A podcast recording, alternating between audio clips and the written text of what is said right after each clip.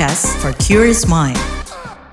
Hai hai, ketemu lagi di Uang Bicara menavigasi kamu supaya tetap cuan. Masih bersama saya Alin Wiratmaja, episode kali ini spesial loh Karena ini adalah episode ke-100 Uang Bicara, yeay! Coba deh tengok-tengok lagi Instagram kbr.id dan kbrprime.id Bakal ada surprise buat kalian semua pendengar setia Uang Bicara. Topik yang bakal kita obrolin di episode kali ini juga menarik dan menggelitik menurut aku sih ya Yaitu soal self-reward. Kita sering banget kan dengar istilah self-reward setelah selesai garap kerjaan atau project yang bikin super capek, kita pengen ngasih apresiasi dong ke diri sendiri karena udah kuat menjalaninya dengan shopping atau healing, trip kayak gitu kan. Tapi ya berarti itu kan pakai anggaran dong ya, pakai duit tentunya. Bisa-bisa bikin boncos nih kalau nggak hati-hati. Gimana ya strategi mengelola self reward yang baik biar hati senang, kantong pun aman. Kita obrolin aja yuk bareng Certified Financial Planner Nadia Harsya. Langsung aja kita ngobrol di Uang Bicara.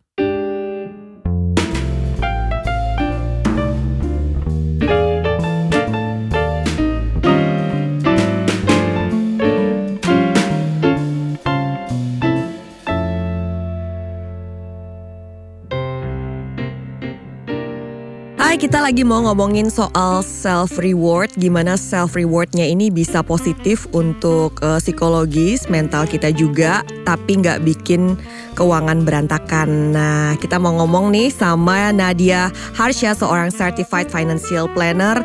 Hai Mbak Nat, apa kabar?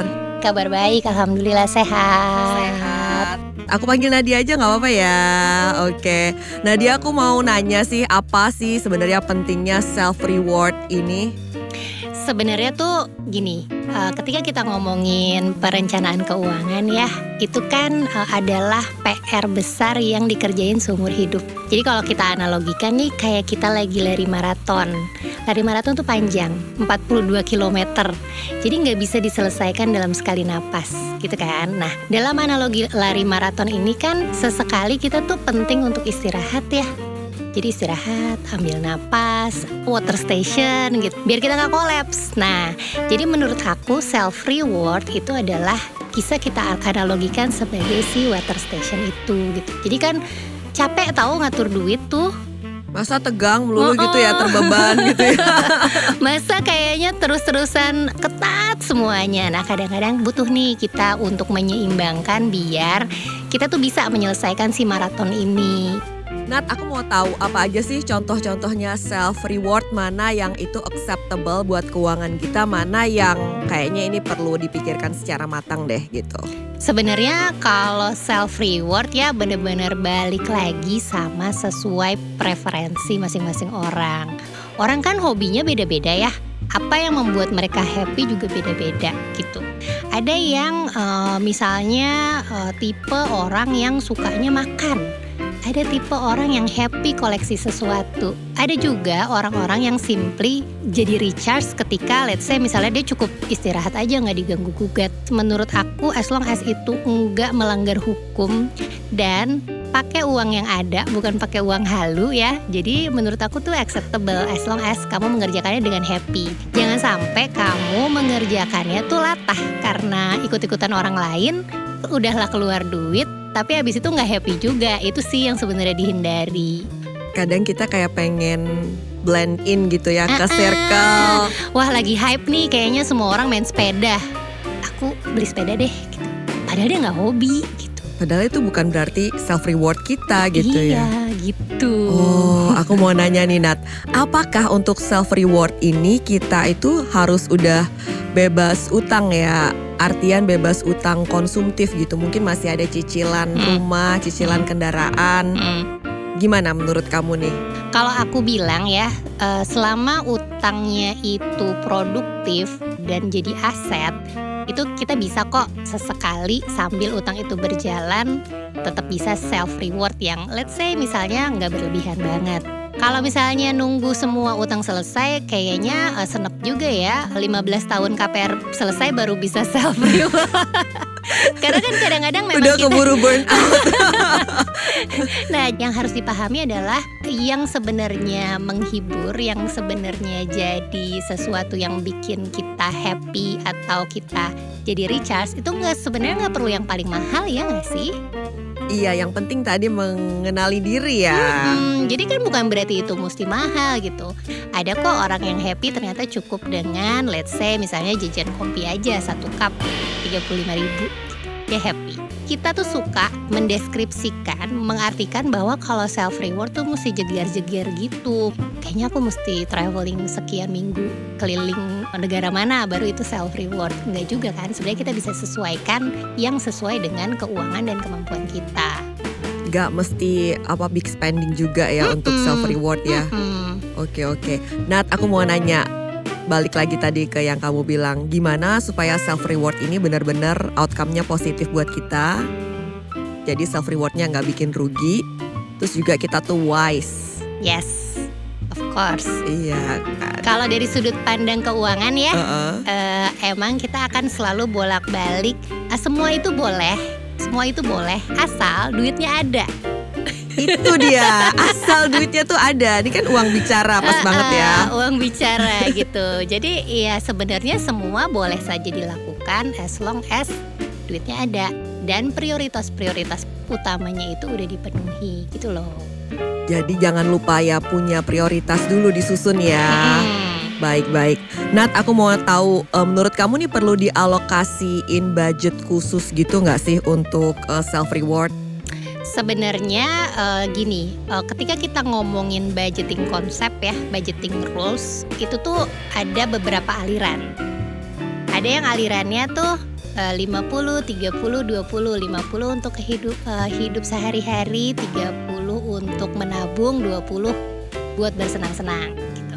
Terus ada yang versi aku udah punya cicilan, otomatis 30-nya teralokasi buat si cicilan. Jadi 10, 20, 30, 40. 10-nya buat self reward, 20-nya nabung, 30-nya cicilan, 40 buat hidup gitu. Atau ada yang sistemnya nggak mau ribet dibagi dua aja, 80 buat hidup, 20 buat tabungan. Nah, intinya kan benang merahnya adalah ketiga konsep itu ada satu. Ada yang ditahan untuk kita di masa depan, artinya ditabung gitu ya. Karena bagaimanapun kita tuh punya kewajiban untuk provide kebutuhan kebutuhan-kebutuhan kita di masa depan yang rezekinya belum pasti. Nah, ada juga benang merahnya adalah ada bagian untuk sokol bersenang-senang. Karena ya itu, uh, kita kan nggak pernah tahu ya masa depan itu akan datang secara pasti. Jangan-jangan umurnya nggak nyampe tapi knock, kan knock, memang knock. Iya. knock, knock, gitu. Tapi kan memang uh, jangan lupa juga untuk menikmati hari ini gitu. Jadi memang self reward intinya adalah tentang balance. Jadi gimana kamu nyiapin masa depan tapi juga nggak lupa untuk menikmati hari ini. Jangan sampai ya kamu konsen banget nyiapin buat masa depan sampai kikir sama diri sendiri Itu gitu. kerap terjadi ya kan? Iya. Banyak tuh yang viral tuh di TikTok hmm. gitu kan uh, makannya ini terus gitu tahu-tahu sakit oh. gitu kan.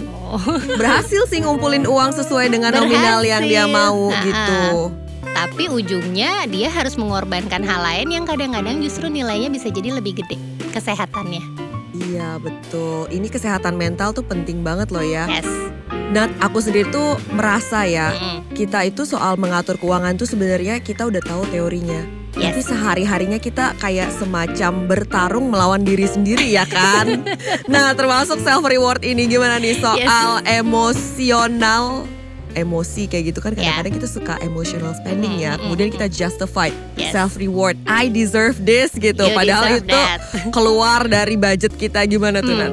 Jadi gini menurut aku ya prinsip yang harus kita pegang adalah satu sadar sampai aku tuh punya quote Jangan sampai cari uangnya setengah mati, ngeluarinnya setengah sadar. Aduh, itu quote powerful nampol. Sabar, sabar, sabar.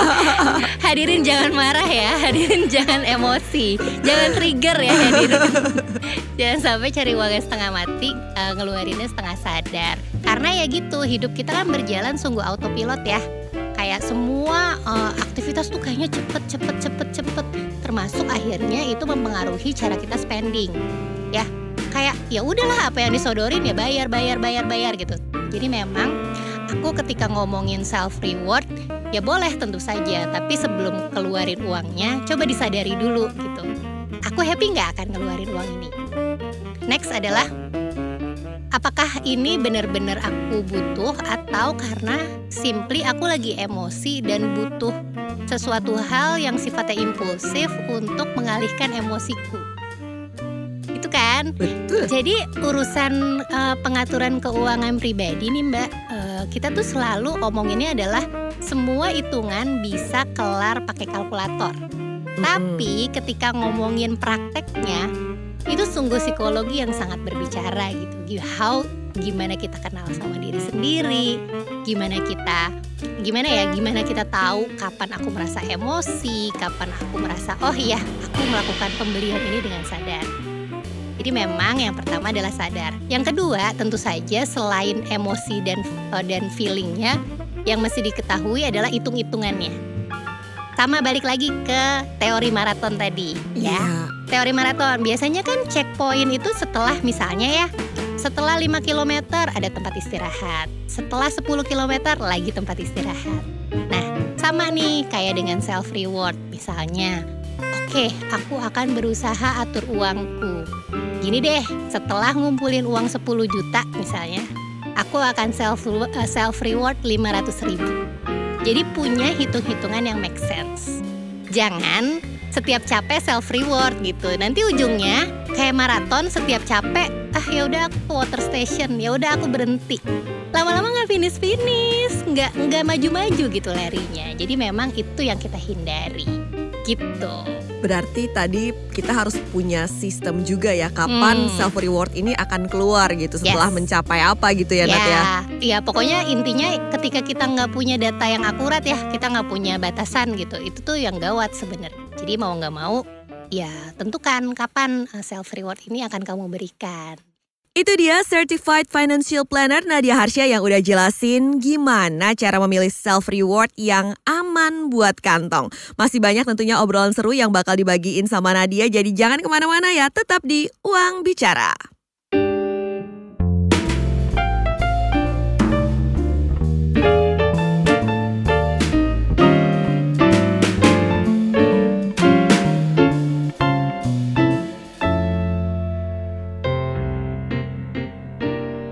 Kamu masih mendengarkan Uang Bicara menavigasi kamu supaya tetap cuan bersama saya Alin Wiratmaja. Episode kali ini kita ngobrolin cara mengatur budget buat self reward bareng Certified Financial Planner Nadia Harsha. Kita lanjut lagi yuk. Oke, terkait tadi self reward dan juga soal uh, manage dan mengenali emosi kayak gitu, biar kita sadar terus nih ngeluarinnya jangan setengah sadar ini perlu banget nggak sih dicatat setiap spending kita on daily basis On daily basis gini, aku tuh punya teori bahwa kita tuh paling enggak ya kenal sama pola pengeluaran kita. Banyak orang yang gagal atur uang karena dia nggak mengenali pola uh, spendingnya. Ya pokoknya ya udah keluar aja gitu. Padahal sebenarnya manusia dewasa itu kalau dilihat mereka tuh punya pola. Kan ada ya yang kita bayar secara rutin. Listrik dibayarnya bulanan gitu. Langganan catering misalnya, lang- langganan catering dibayarnya mingguan gitu. Jadi memang ada polanya. Nah, mencatat pengeluaran itu membantu kita mengenali pola itu. Gitu, jadi kita punya data yang berikutnya bisa kita evaluasi. Eh iya ya ternyata nih, misalnya ya, hasil mencatat pengeluaran itu ternyata tanggal-tanggal segini aku tuh kayaknya lagi tidak stabil emosinya jajan mulu gitu. Nah, itu bisa dievaluasi. Jadi dengan punya data evaluasi itu kamu lebih gampang nih menentukan kapan mesti ngegas, kapan mesti ngerem. nah nice banget tuh jadi kita bisa membaca pola spending kita ya Hmm. untuk ke depannya itu bisa lebih baik gitu pengaturan keuangan kita nah terkait dengan self reward ini Hmm. tadi ada batasannya nggak menurut kamu Nat terutama untuk spending spending yang besar Spending-spending yang besar menurut aku gini, kita let's say ya pakai percentage dulu. Mm-mm. Misalnya nih, ya udah deh aku punya dana bersenang-senang let's say misalnya 20% setiap bulan dari incomeku. Kalau ternyata self rewardnya ini lebih besar dari si 20% dana budgetingmu tiap bulan, menurut aku kamu berhitung terus ya udah ditahan aja dulu gitu. Atau self reward besar, saya misalnya satu kali setahun pas bonusan. Nah itu pun juga harusnya punya perhitungan secara matematis yang lebih ada batasnya. Dan balik lagi, dua hal yang menurut aku sangat berperan di sini yaitu yang pertama disiplin, patuh sama anggaran yang kamu bikin, yang kedua self control. Karena manusia tuh secara psikologis dia tuh pintar. Ya, kalau dia mau tarik duitnya gimana pun caranya dia akan menemukan cara. Jadi kalau self controlnya nggak dilatih, self controlnya nggak dijaga, kayaknya sih bablas-bablas aja. Jadi menurutku ketika menentukan self rewardnya berapa nilainya, latih juga self control kamu. Uh, menarik banget ini self reward dan self control ya biar nggak bablas. tarik-tarikan itu. Iya, iya. Kadang-kadang kita ngerasa gue perlu banget nih self reward ini biar gue tetap waras gitu kan. Kayak selalu bisa justify ternyata bablas nanti. Nah, aku juga pengen tahu nih Nat, uh, secara menurut pengalaman kamu juga terus juga uh, teman-teman yang belajar uh, financial planning sama kamu kayak gitu ada nggak sih uh, self reward itu yang bikin kita happy dan tingkat kebermanfaatannya tuh tinggi kayak gitu, edit value-nya tuh tinggi gitu ke pribadi. Edit value ya. Menurut aku adalah ketika kita punya hobi dan bisa menjadikannya produktif. Itu sih menurutku yang self reward yang jadi punya edit value. Contoh ya misalnya aku suka baking. Self rewardku adalah masak-masak di dapur terus nyicipin hasil resep-resep yang aku coba-coba gitu. Nah, ada beberapa orang yang gifted dan beruntung bisa menjadikan itu sebagai side income. Atau contoh lagi misalnya tipe orang yang misalnya jalan-jalan. Aku suka banget nih self rewardnya adalah jalan-jalan dan traveling. Wanderer aja jalan-jalan ke mana gitu. Nah, karena dia bisa menyajikannya dengan menarik gitu ya. Ini pengalaman temenku ya. Dia menj bisa menjadikannya menarik. Terus setiap orang jadi kayak eh kamu jalan-jalan ke mana sih? Kok kayaknya unik. Nggak pernah ditawarin sama travel agent. Gitu. nah akhirnya dia membuka open trip. Akhirnya dia bisa self reward itu gratis dari uh, cuannya uh, teman-teman yang ikut open trip itu jadi menurutku nggak ada salahnya kalau kamu bisa melihat potensi dari self reward yang kamu jalankan.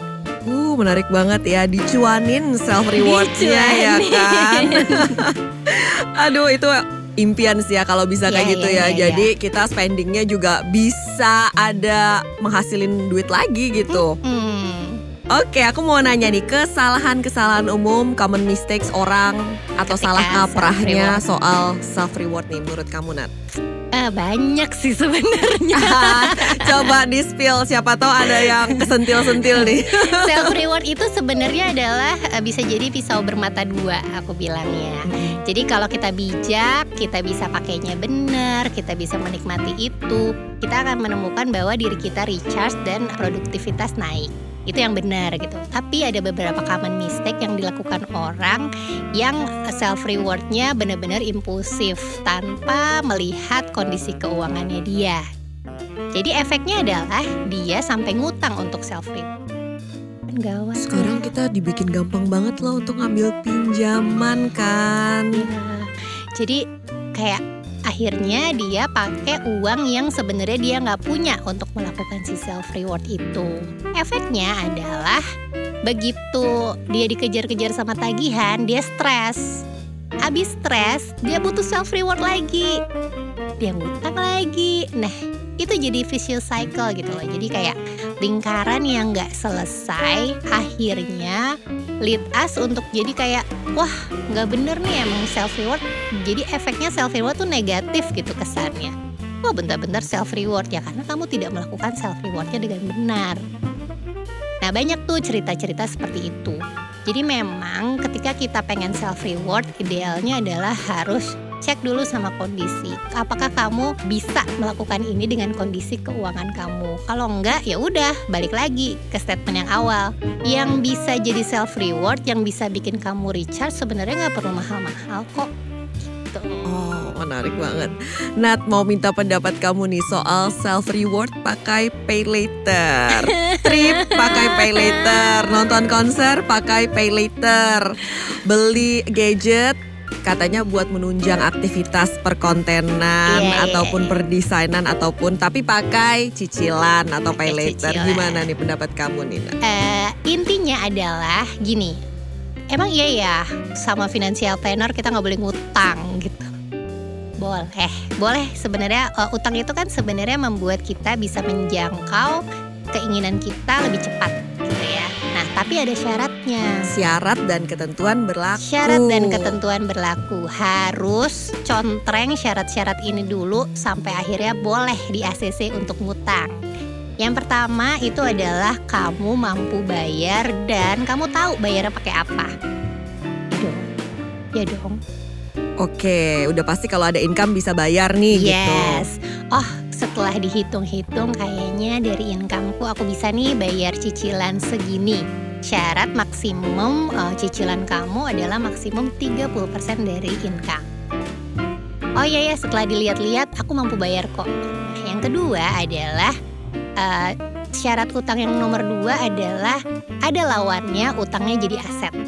Jadi kalau misalnya kita ngutang 500 juta jadi punya aset rumah yang harganya 600 juta masih make sense dong. Iya dong. Iya dong, iya. Iya dong. Nah, tapi kalau kita ngutang untuk makan di kafe terus besoknya asetnya apa? Kenangan yang indah. Uh, postingan di Instagram ya kan, fine dining gitu kan. Oh, asetku adalah postingan-postinganku yang ada di Instagram gitu. Syarat ketiga adalah masa cicilnya eh, lebih pendek dari penggunaan barangnya. Kayak contoh tadi, aku pengen beli gadget untuk eh, bikin aku bisa desain gitu. Let's say aku beli laptop gitu ya. Ya udah deh, aku beli laptop tapi kebetulan uangnya belum ada. Jadi aku cicil aja. Laptopnya jadi 24 kali installment gitu ya.